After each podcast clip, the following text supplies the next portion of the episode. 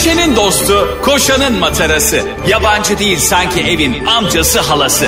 Ağlayan'ın su geçirmez maskarası program. Anlatamadım Ayşe Balıbey ve Cemişçilerle beraber başlıyor.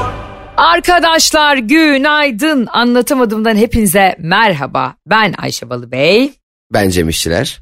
Cem İşçiler ısınma problemini çözdüğünü ses tonundan anlıyoruz artık hepimiz. Evet biraz dışarı çıktım ısındım. yani Bir de öyle öyle yalanlar var diye. Ay seni gördüm ısındım. Ya arkadaş. valla seni görünce içim ısınıyor ya kombiyi kapatıyorum. Şimdi Cem'cim istersen anlatamadım dinleyicilerine bu bölüm icatlar ve icatları bulanların onlara nasıl isimler verdiğini falan konuşalım. Ne dersin? Evet çok güzel. Ee, Güzel kata- konu değil mi? Katalitik faciasından sonra iyi gelir. Sevgili anlatamadım dinleyicileri bugün sizlere kimin neyi nerede bulduğunu ne sebeple o ismi verdiğini biraz dilimiz döndüğünce anlatalım bir diyoruz. de hemen bu konuya başlamadan önce bir şey söylemek istiyorum genel bir tabir. ne Mesela, olur söyle. e, ya şimdi m- yani baktığın zaman mesela e, her şeyin ismi artık bizim için alışılmış halde. Mesela kitabın kitap olduğu, ne bileyim ben gözlük kabının gözlük kabı olduğu tamamen alışılmış. Çünkü artık alışmışız. Ona o isim verilmesini garipsemiyoruz. Ama bizim atıyorum soba dediğimiz şeye e, küllük denseydi veya e, ne bileyim ben e, fayans denseydi fayans sobayı temsil eden bir şey olacaktı. İsim koymak çok enteresan bir psikoloji bence. O isme alışmak. Hmm, doğru. Mesela soba mesela çünkü sobanın mesela so ısı demek bağda ısıyı muhafaza eden ve etrafa yayan şey demek olsa soba soba anlamlı ama sobanın kendi kendine hiçbir anlamı yok ya. doğru. O yüzden fayans mesela abi fayans açsana donduk diyebilirdik mesela. Çok enteresan. Evet. İsim koymak enteresan bir şey. Onu da bir baştan düşünelim yani. İsim bir şey isim koymak yani bir isim konuyor. Kim koyuyor onu da bilmiyorum. Mesela sobaya kim soba diyor bilmiyorum ne nasıl oluyorsa. Mesela anlatamadığımın isim babası sensin. Evet anlatamadım yapalım. Çünkü ben e, ilk zamanlardan beri bizim kemik o gerçek e, ilk zaman anlatamadımcıları çok iyi bilirler. E, podcast yaptığımız zamanları benim Ayşe'yle tanışıklığım ona kendimi ifade edemememle olmuştu. Yani derdimi anlatamadım çok nadir insanlardan biridir Ayşe ki hala 300 bölümü devirdik. Hala derdimi anlatamadığım insanlardan biri ve anlatamadım olarak e, koydum. Elimde zaten ilk fotoğrafımızı bilenler bilirler. Elim böyle hani Fatih Terim gibi yapar ya o da böyle. Ee, yaptığım bir fotoğrafımız var. Ee, bu arada bizim yeni sezon çekimleri ne oldu Ayşe? Buradan yöneticilerimize sesleniyoruz. Hayır onlar Aralık'tan sonra yani Öyle mi? 2024'te girecekler kullanacaklar. Hazırlanıyorlar tabii. fotoğraflar arkadaşlar. Çok ince rütuşlar yapılıyor şu anda. Şimdi arkadaşlar e, telefon Cemcim senin bir fikrin var mı? Telefon e, kim tarafından icadı oldu? Ee, şey e, birden söyleyince Fenerbahçeli Cemil diyormuşlar. E, birden söyleyince de şey yapamadım. Ee, Alexander Graham Bell. Graham Bell diyemedim. Evet pardon özür dilerim. Bu birdenbire şey gibi oldu. Hani sokak röportajları yapıyorlar ya. Üçüncü başbakanımız kimdir? Ee, ben falan. Hani onun gibi oldu. Cem İşçiler sarı mikrofonu atıp sanki yayına gelmiş gibi ya. Özür dilerim. Yani. Graham Bell diyemedim. Hatta Graham Bell'le ilgili geçen gün video çekecektik. Bir şaka yapacaktık röportaj adamla beraber.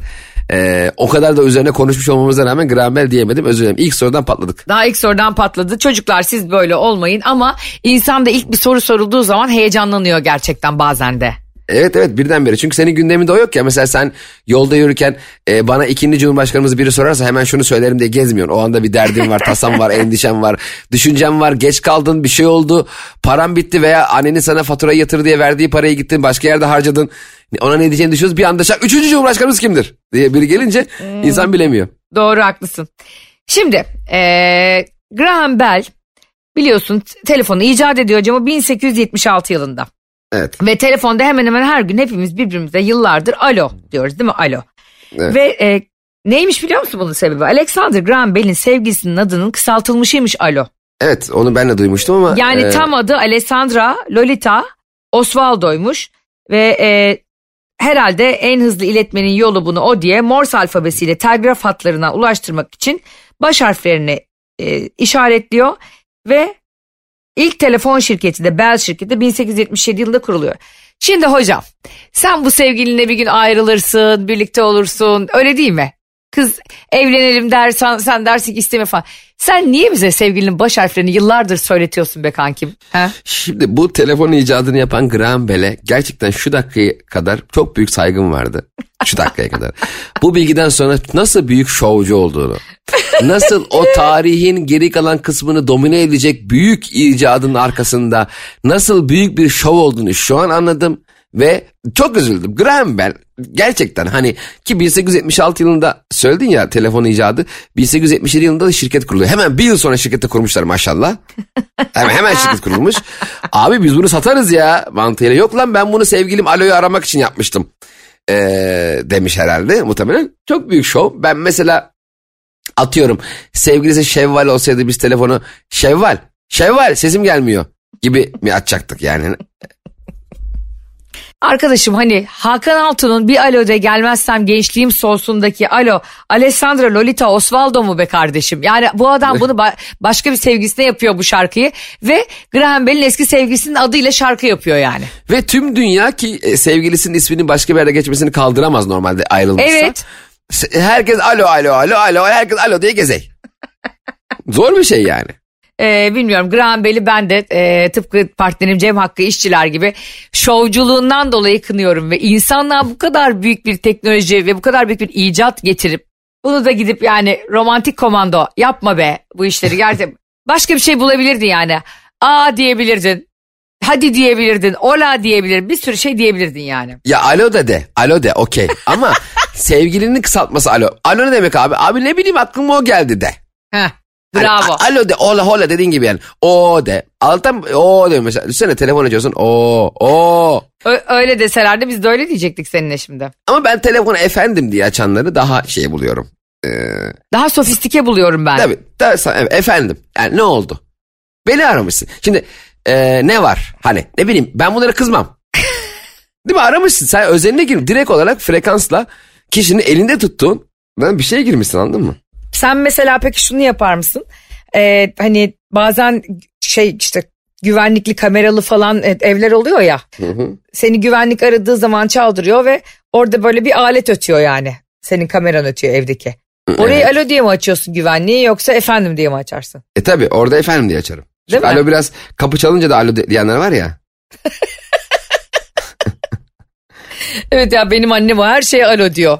Yani çocuk e, e, kargocu çocuk getiriyor alo diyor her şeye yani her şeye hayatta aklına bir şey her şeye alo diye cevap veriyor.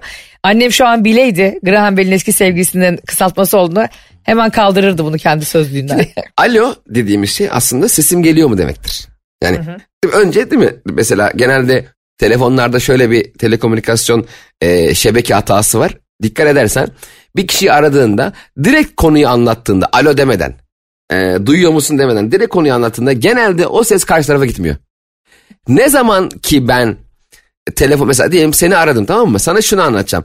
Ayça'cığım bugün 4 dediğimiz toplantı 7'ye kaymış. Sen eğer evden çıkmadıysan çıkma diyeceğim sana tamam. Diyelim tamam mı? Telefonu aç abi. Ayşe toplantı 7'ye kaymış 4'te eğer çıkacaksan çıkma diyeyim. Sen bana şöyle yaparsın. Alo. Ama ben sana alo diyeyim. Sen de alo de. Ondan sonra söyleyeceğimi söyleyeyim. Sesimiz gidiyor birbirine. Çok enteresan. Nasıl ayarladılarsa alo malo demeden konuşamıyoruz ya. Telefonlarda bence alo sensörü ver. Alo denmeyince konuşulmay. Konuşulmuyormuş gibi oluyor hakikaten doğru Öyle ama o yüzden e, alo bence sesim geliyor mu gibi bir ses. Yani hani beni duyabiliyor musun? Şimdi sana söyleyeceğim şeyleri duyabilecek misin? Ee, alo sesim geliyor mu? Alo sesin geliyor. Eskiden şey vardı anlatamadığım dinleyicilerinden yaşı bize yakın olanlar hatırlar. Yanlış numara çevirdiğinde bayağı insanlar sohbet edip oradan sevgili falan bile oluyorlardı. Aa yanlış aramışım öyle mi? Kim aramışsınız hanımefendi? Ben İsa'yı aramıştım öyle mi? Ben Musa ya da ben Mehmet işte neyse. Ee, filan deyip oradan bir dakika kapatmayın hanımefendi. Böyle şeyler çok vardı biliyor musun? Evet şimdi e, Öyle bir yanlış- yokluk vardı demek ki sosyal medya yok bir şey yok. Zaten yanlış numara diye bir şey yok aslında. Numara doğru. Senin aradığın aradığın yön yanlış. Mesela şöyle bir şey var mı? E, Açıyorsun. e, Ekrem. Hayır ben Cem. Aa yanlış numara. Yo benim numaram bu. Hani bana şöyle bir şey. Cem Bey yıllardır kullandığınız bu numara yanlış. Neyi yanlış abi? Benim numaram doğru. Sen yani yanlış aramışım demiyorlar.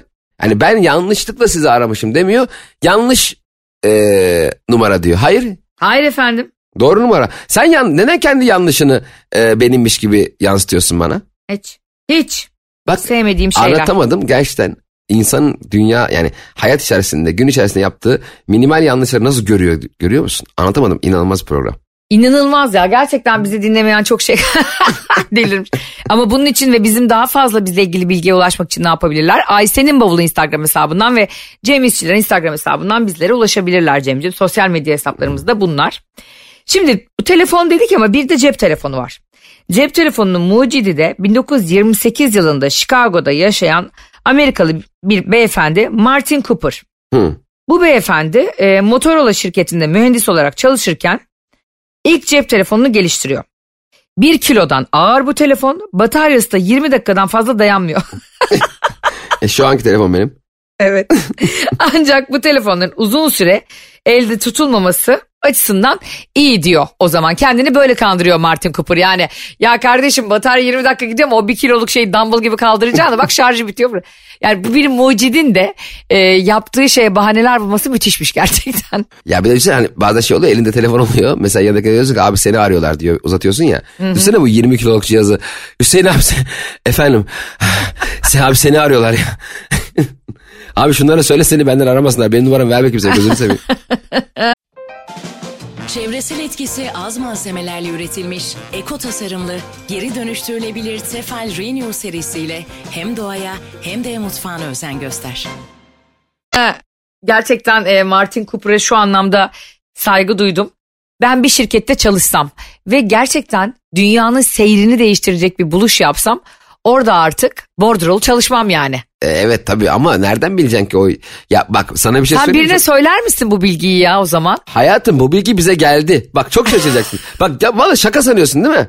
Bak, Saçmalama. bak yemin ediyor bak yıllar evvel bu telefonlar ilk daha Türkiye'ye yeni yeni geldiğinde bu 20 kilo değil de hakikaten neredeyse yarım kilo ağırlığında e, hayvan gibi antenleri olan ilk gelen cihazlar işte 2000 dolar 1000 dolara satılan zamanlarda babam elektrikçi dükkanı var Beyazıt'ta babama geliyorlar tamam mı bu telefoncular. Evet. Diyorlar ki İsmail abi bu telefon sende burada bayisi ol e, Beyazıt şubesi senin olsun senin üzerinden satalım diyorlar. Cep Ee? telefonu ilk çıkan babam büyük vizyoner babam ne diyor biliyor musun? ne diyor biliyor musun? Ne? Bunların geleceği yok. Babam cep telefonu Türkiye'ye gelen ilk cep telefonunun ilk bayisi olacakken bunun geleceği yok diyerek reddetmiş ya. Ve dedi de çıktı falan diye. Alakalı. İş, gerizekalı işler ailesi. Abi benim babam da çok benzer bir şey yapıyor. Çok üzüldüm şu an. İsmail amca resmen sizin kaderinizi değiştiren bir hamle yapmış. Bu bizim mütevazi babalarımız. Bu bizim aza kanaat eden babalarımız yüzünden. Harbiden bir sürü çocuk sürünüyordur şimdi. Benim babama da o zaman elinde bir toplu para var. Tamam mı? Bir ev satılıyor. Ve babama diyorlar ki e, Ömer amca diyorlar gel sana İstinye Park'tan şu andaki İstinye Park evlerinden bir ev verelim. Yani bundan neredeyse e, 15 yıl önce düşün tamam mı? Babam diyor ki nasıl ödeyeceğim? Ya diyor sen e, hani teneşir şey diye bir şey vardır ya. E, teneşir taksit mi denir ona artık? O ne demek ya? Yani uzun teneşir vadeli. ödeme yani istediğin zaman paran oldukça öde. Hmm. Ondan sonra e, babam diyor ki yok diyor işte ben zorlanırım ödeyemem falan diyor. Ne yapıyor biliyor musun? Gidiyor e, bir tane arsa alıyor Çanakkale tarafında. O zaman da babamı kandırıyorlar. Diyorlar ki buradan köprü geçecek. Ama baba onu aldığı arsadan su bile geçmiyor yani yerin altından. Elektrik yok, su yok. Hiçbir şey yok. Ruhsat yok, iskan yok falan. Ve orası 15 yıllık 1 lira bile artmazken İstiye Park'ın e, evleri, topraktan evleri yüzde 300 artıyor. Ya babalarımız böyle şeyleri niye anlatıyorlar bize ya? Bari anlatma. Anlatmasan bilmeyeceğiz. En azından bilmezdik. Yani neden şunu söylüyorlar? Bu bir başarı hikayesi mi? Ya Ayşe'cim bu e, Sarıyer'deki boğaza bakan evleri ilk bana getirdiler de almadım. ne, an, bari anlatma ya. Vallahi insan abi üzülüyor yani. Gerçekten geçmişe dair. Ulan neden biz böyle? Neden her sabah akşam işe gidiyorum geliyorum. e, tatile bile zar zor çıkıyorum. Para biriktiremiyorum. Neden bunlar yaşanıyor diye düşündüğünde babamın yaptığı o hata yüzünden diye kendi kendine babanı suçluyorsun. Doğru. Halbuki söylemese babam der ki mesela ben olsam mesela bana böyle bir teklif gelse ben de elimin ucuyla itsem toprak yıllar yıllar sonra bana dese ki babacım ya buradaki daireler ne kadar değerlendi değil mi? Evet vallahi ya keşke zamanında biri bize gelip de buradan daire alır mısınız deseydi derdim. Hmm. Söylemezdim yani oğlum ben bunlar hep bana geldi ben almadım ha demezdim yani. Evet ben de yani bir mahcubiyetim olurdu ve çocuklarım bundan çok üzülecek diye hiç o konuları bile açmazdım yani. E, açılsa da kapatırdım. Hatta bizzat o kişi ya Cem Bey ne diyorsunuz ben 25 sene önce bu daireyi size bedavaya vermedim mi? Yo vermedi ben sizi hiç tanımıyorum derim. Yo vermedi. bir de zaten şey çok kötü bir his abi. Şimdi insan e, biliyorsun ki umut fakirin ekmeği ya o umuda tutunarak yaşamak ve kaçırdığı fırsatları ah etmek çok kötü bir şey. Keşke demek yani. E, o yüzden ben hep iyi ki diyorum. Yani iyi ki babam e, İstinye'den ev almamış. Bak belki de zengin olup kafayı yiyecektik. Hiç seninle programı yapamayacaktım. Ben üç kuruşa tamah edip e, çalışmayacaktım. Şımarık filan bir kız olacaktım böyle yani. Ger gerçekten tam olarak şimdi 3 yaşıma geri dönsem ya da doğmadan önce Cem'cim sana böyle bir e, imkan sunuyoruz. Ya El Fayet miydi o çok zengin? Evet. El Fayet'in oğlu olacaksın ya da İsmail İşler'in oğlu olacaksın. Hangisini tercih eden derse vallahi hiç düşünmeden direkt El Fayet'in. çünkü çünkü düşünürsen mecburen İsmail'in derdin. Düşündüğüme göre İsmail İşler'in oğlum. Çünkü İsmail yani El Fayet'in oğlu olduğu zaman düşünmene de gerek yok. Her şey önünde çünkü. Biz habire düşüneyiz. Hani bu ben hep bir tweet atmıştım. Şimdi haber önüme düşüp düşüp duruyor. Eskiden bir şey satın almayacağım zaman düşünüp düşünüp almazdım. Şimdi düşünmeden almıyorum diye bir tweet atmışım çok tutmuştu. E şimdi mesela o hep benim önüme düşüp düşüp her bir şey aldığımda önüme düşüyor. Geçen gün de anneme çay makinesi alacaktım. Ee, böyle büyük kazanlı. Tamam annem çayı çok sever ben de çok severim ama annem musluklu istiyor tamam hani böyle musluktan akar ya suyu. Ha çok severim. Çok hani ondan istiyor ben de alayım dedim. Tamam anneciğim anneciğim bir şey istemiş 40 yılda bir. Gittim almaya. Çok güzel bir tane marka buldum. Çok güzel ürün buldum. Böyle hayvan gibi kazanı var. 35 tane çay yapıyor. Ee, hatta ben şey dedim yani deneyebilir miyiz? Canım tiptim. En az hani gerçekten yapıyorum 35 tane yani. Neyse e, tam alacağız Ayşe kutuyu bir açtı kadın lekeli. Aa baya böyle lekeli. Yani baya birileri böyle el, el izi falan var böyle. Dedim ya bu sıfır değil mi? Sıfır dedi. Allah dedim bunu koyan kişinin el lekesi mi acaba? Bir bezle silsek çıkar mı dedim. Denedi kız çıkmay. Sonra dedi ki ben depodan başa getireyim dedi. Depodan başa getirdi. Daha da lekeli. Ee? Bir, birdenbire o kadar mutlu hissettim kendimi Ayşe. Gerçekten 4-5 bin lira para verip bir çay makinesi alacaktım ve gerçekten almaya gittim ama lekeli olduğu için alamayıp döndüm ya. Anneme bunu anlatırken hem anneme olsun oğlum gidip almaya gittin ya dedi bana. Aynı sevinci yaşadık ve 4 bin lira kâra geçtim. Aa, ciddi Almış misin? kadar oldum. Ben ama bak almış kadar olmak böyle bir şey. Gerçekten almaya gittim. Ben almış kadar oldum bence burada. Doğru. Değil mi? Yani Mantık olarak evet almış kadar oluyorsun hakikaten. Anneciğim keşke sana böyle bir şey alsaydık demiyorum. Gittim almaya. Kirli diye almadım. Şimdi anneciğime ben kirli kirli sıfır diye getirdiğim makine kim bilir kimde ayaklarımı soktu makine ne yaptılarsa kirlenmiş her yeri. Bununla hani şey çay işte varamasak da yolunda ölürüz gibi. evet. O yalan gibi yani biz de bunu ikna olduk ben asla ikna olmadım almış kadar falan olmadın almadın çünkü teknik olarak. Şu anda anlatamadım dinleyen herkes de şu soruyu cevaplasın. Eşiniz ya da siz eşinize, eşiniz size, sevgilinize, çoluğunuza, çocuğunuza hediye almaya gittiniz. Bak atıyorum işte kocaman bir televizyon alıyorsunuz ama görüntüsü beklediğiniz kadar kaliteli değil ama illa da o, o televizyonu istiyor isteyen sizden. Bu arada hemen hediye. hemen araya girebilirim. Te- bu televizyon aldıktan sonra mağazada televizyon bakıyorsun ya Ayşe. Evet. Çok büyük ihtişamlı falan geliyor. Ya bu televizyondan eve gelince niye küçülüyor ya? Yemin Abi evet bak- sanki gazeteden kuponla almışım gibi. Hayır birdenbire bak televizyon aldık. Ulan dedik bu televizyon eve sığacak mı acaba dedik. Eve bir geldik sanki de tablet almışız. ha, neyse o aklıma geldi. Yok hiçbir şey zaten orada teşhir ürününde göründüğü gibi değil yani. evet Hani evet kesinlikle. paz- pazarda da öyledir ya o domates kıpkırmızıdır filan. Eve geliyorsun böyle yeşilim tırak artık ne yapıyorlarsa orada pazarda boyuyorlar. ha, Her arkadan başka domates koyuyor ne yapıyor? şey. Televizyonun içinde aynı şey geçerli. Şimdi e, bir şey almaya gittiniz ama o şeyin sizin sandığınız kadar ya da anlatılan kadar güzel olmadığını görerek almadınız. Yani ben işte Cem'in yaptığı gibi ya anneme bu e, kirli çay, çay makinesini mi alacağım ya da işte görüntüsü bu kadar da güzel olmayan televizyon mu alacağım falan dediniz ve geldiniz. Orada almış kadar oluyor musunuz? Hakikaten yani Cem'in söylediği gibi. Yoksa gazozdan milleti mi oyalıyorsunuz şovunuzu mu yapmış oldunuz yani? Ben çok Herkes- merak ediyorum. Kes- kesinlikle e, tabii ki almış kadar olmak ile almış olmak arasında ciddi fark var evet. Abi almış kadar oldun dünyanın en büyük yalanıdır ya. Hayır ya ama bak şimdi normalde mesela şöyle bir şey senin doğum günün tamam ben senin doğum gününe gelmişim herkes hediye aldı sana ben de sana diyorum ki ya Ayşe'cim e, ben de alacaktım ama zaman bulamadım. Düşündüm ama almayı desem sen bana almış kadar oldun demezsin ama ben sana gel Ayşe'cim senin o çok istediğin sallıyorum kırmızı bereyi sana alacaktım. Gittim onu gittim denedim aldım alamadım depoda yokmuş stokta yokmuş oraya gittim öbür mağazaya gittim desem evet dersin Cem'ciğim almış kadar olmuşsun. Ama bere ortada yok okey. Ben şimdi şunu söylüyorum bu almış kadar olmuşsa şimdi Türk insanı çok hassas ve bir sürü konuda işte biliyorsun ki çok nezaketli cümleler ediyorlar. İşte sağ ol kızım e, düşünmen yeter. Düşünmen yeter diye bir şey söz konusu bile olamaz benim hayatımda. Hakaret biliyor musun? Yani oğlum sen düşünebiliyor muydun ya gibi bir şey. Bence düşünmen yeter. Hakaret biliyor musun? Bana bir düşünmen yeter dese. Yani Cem'ciğim sen o kadar sığ bir insansın ki eğer sen bir şey düşünmüşsen bu bilgi bize yeter senin dostların olarak. Sen demek ki düşünebiliyor musun? Demek ki bence. Aynen öyle. Abi ben işte var ya gerçekten e, geçerken oradan sen de çok seviyorsun biliyorum. Erik gördüm. Tam alacaktım ama önünde bir e, araba vardı. İleride de polis vardı. Duramadım almadım. Sağ ol kardeşim. Düşünmen yeter. Niye düşünmen yeter olsun kardeşim? Gidip o kadar anlatacağını ballandıra ballandıra. Eriği al gel ya manyak mısın nesin? Evet bunu hiç anlamaman lazım yani ben. Sanki polis erik alanları çevirey. Sanki böyle erik alanları çeviriyor polis. Bu ne? Hayırdır iki kilo erik almışsınız? Çatı, Yoksa çat- çatılara sniper dizmişler erik yalanları indiriyorlar. Yani o yüzden aslında ne oluyor biliyor musun? Düşünmen yeter almış kadar oldun diyen aslında içinden siz bilmiyorsunuz e, bu cümle kurulanlar. Size küfrediyorlar. Size diyorlar ki ay Allah senin yapacağın işe tüküreyim ya diyorlar. Şimdi bak erik alınca polislerin vurması dedin ya. Aklıma ne geldi biliyor musun? Ne? Hani böyle Baba filminde de çok böyle büyük yönetmenleri şöyle şeyleri yıllar sonra çözülüyor ya işte. Baba filminde portakalın her gözüktüğü sahnede mutlaka biri ölür. Evet Yani öyle doğru. çok büyük. Şimdi tamam da biz de bunu vay be yönetmene bak oğlum adam her ölüm sahnesinde portakal koymuş falan. Vay be hani mesela e, Grant ölür derken vurulur yani. E, bu babayı oynayan e, büyük oyuncu e, şey Allah'ım niye böyle isimler aklıma gelmiyor benim bugün? Marlon Brando. Ha Marlon Brando'nun e, manavdan portakal aldığı sahnede vurulması, torunuyla finalde portakal ağaçlarının orada ölmesi gibi hep portakalla ölümü e, özdeşleştirmiş ya. Bize Evet, diyoruz doğru. ki izleyiciler olarak vay be değil mi diyoruz? Vay adam neler. Tamam da bence hiç de vay be değil ya. Portakalla ölümün ne alakası var abi?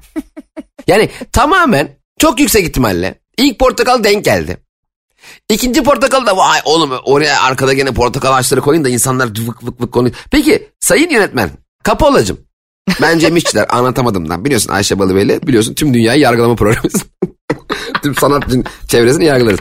Şimdi bana portakal ile ölüm e, kavramının e, birleştiği noktayı söyler misin kardeşim? E, biz orada öyle çektik. Bana kavramın birleştiği noktayı söyler misin kardeşim? Yok ben öyle uygun gördüm. O iki sahneyi derhal kesiyorsun.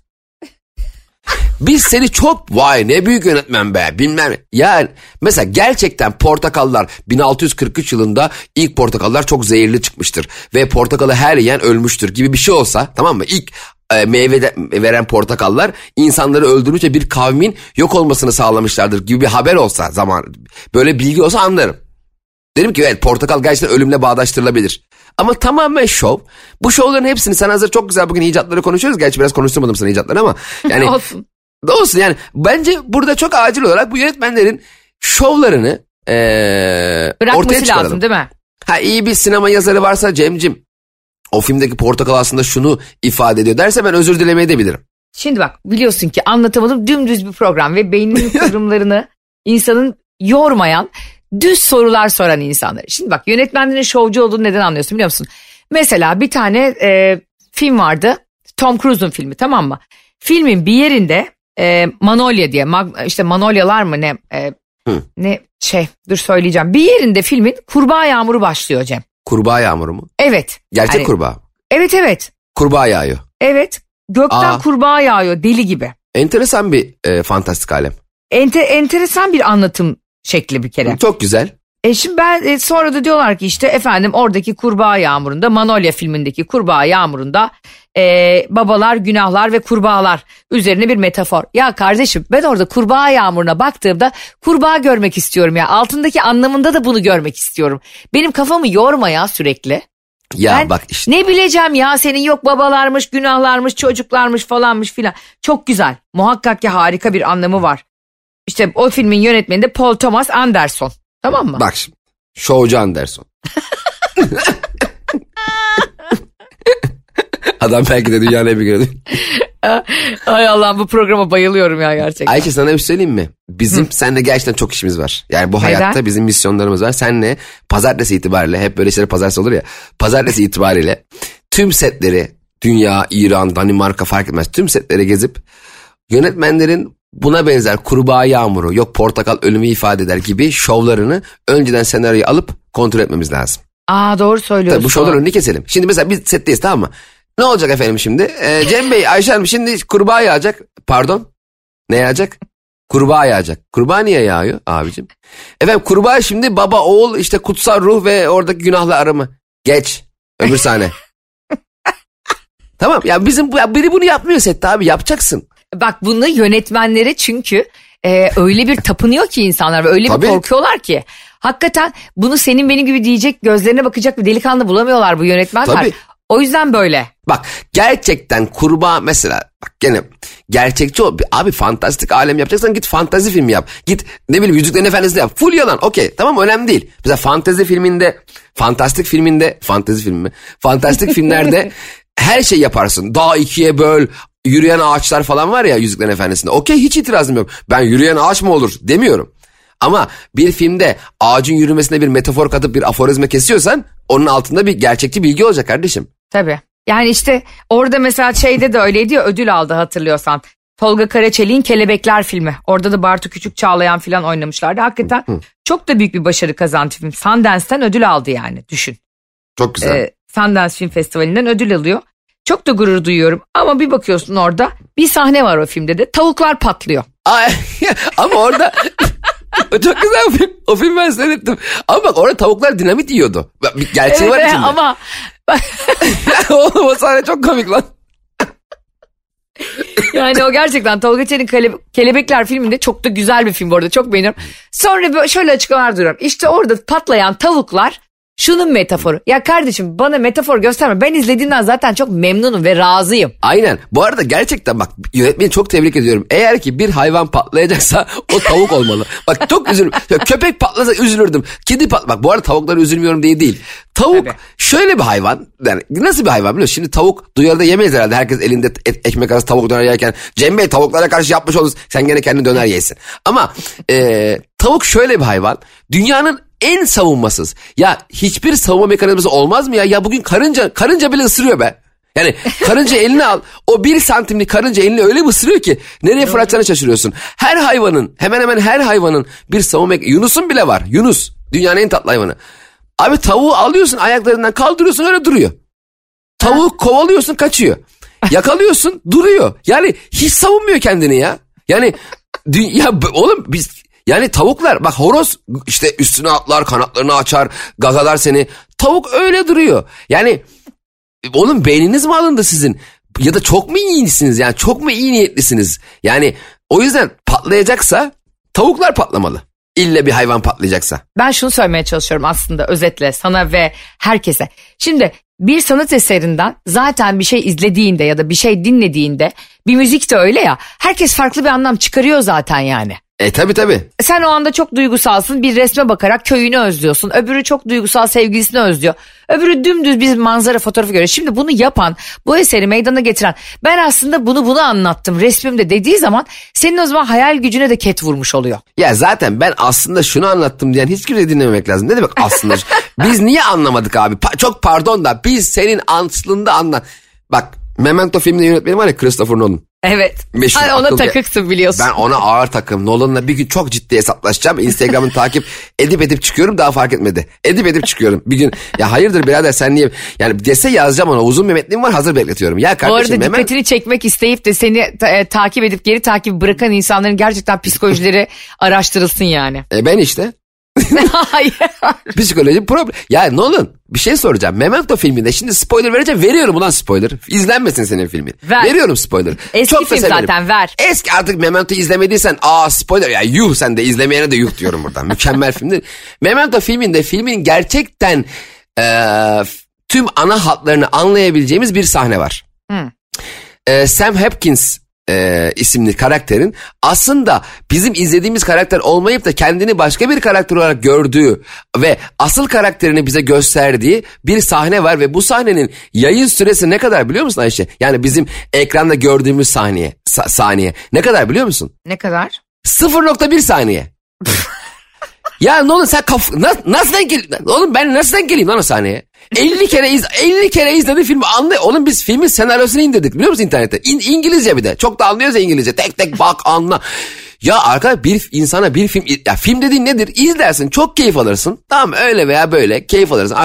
Geçer gider. Ya filmden sonra bana niye senaryo okutturuyorsun ya? Çok haklısın. Yüzde O yüzden- bin katılıyorum ya yüzde bin. Filmi izleyenler de çok iyi biliyordur o sahneyi tam böyle milisaniye böyle mili milisaniye durdurarak denk yani durdurarak denk gelemedik biliyor musun? Saatlerce uğraştık durdurarak denk gelemedik o sahneye. Ve e, bu gibi yönetmenler işte bu filmde aslında şunu anlattım. Aslında onu mu anlattım? Bence aslında onu anlatamadın. Bence. Anlatamadım. Onu anlatamadın ki bize şu anda anlatıyorsun. Anlatabiliyor olsaydı biz sana anlatırdık. Derdik ki sayın yönetmen bu filmde şunu anlatmışsınız. Gerçekten bunu bu şekilde anlatıyor olmanızdan çok büyük gurur duyduk. Siz çok iyi bir yönetmensiniz diyeceğimize sen gelip diyorsun ki ben çok iyi bir yönetmenim. Niye? Aslında şunu anlattım. Yok ya. Yok ya. Demek ki arkadaşlar sadece biz anlatamadığı programını yapmıyormuşuz. Bir sürü insan da gördüğünüz gibi bugün derdini meramını anlatamıyormuş. Biz icatların bir kısmını bugün konuşmuş olduk. Diğer bir kısmını da Ay Ayşe bizim belli olmaz. Bir şekilde konuşuruz. İnsanlara söz vermeyelim. e, şimdi Aynen. bir şey olur kimse de Aynen. vebaline Biliyorsun yani. girmeyelim. Biliyorsun eleştiriye çok açık değiliz. Bize eleştirilecek alanlar yaratma lütfen. Yüzde yüz katılıyorum. Hadi bakalım icatlar. Konu hiç konuşmuyoruz lan. Hadi bakalım. Hadi bakalım anlatamadım dinleyicileri. Bu konuyu bundan sonra asla konuşmayacağız. Bakalım ne yapacaksınız? Hadi yürü. Şu anda bizim Metro FM'de dinleyen varsa demiştik ki herhalde bunlar akıl hastası kaçtılar. İki tane ruh hastasının yaptığı program. Metro. FM'i ele geçirdiler. Evet sevgili anlatamadımcılar. Bugün de bizden bu kadar. Arkadaşlar çok seviyoruz. İyi ki varsınız. Çok tatlısınız. Gerçekten burada bir masa başında toplanmış da herkesin delilercesine, çılgınlarcasına istediği gibi konuşabildiği bir ortamda konuşuyormuş gibi hissediyoruz sizlerle konuşurken. İyi ki Metro FM'de programı yapıyoruz. İyi ki sizlere ulaşıyoruz. Instagram Aysen'in bavulu ve Cem İşler'i takip etmemeniz de etmeyenler için söylüyorum sizin ayıbınız. Etmeyin zaten bu dakikadan sonra. katılıyorum. Yani hala etmediysen şu an son şans. Şimdi de etmediysen zaten artık kabul etmiyorum. Artık bırak. bırak ya. Bırak. Ne olur bırak. Arkadaşlar sizi çok sevdiğimizi ve her zaman sizinle yayında olmaktan çok mutlu olduğumuzu unutmayın. Kendinize iyi bakın. Hoşçakalın. Bye bye. Anlatamadım.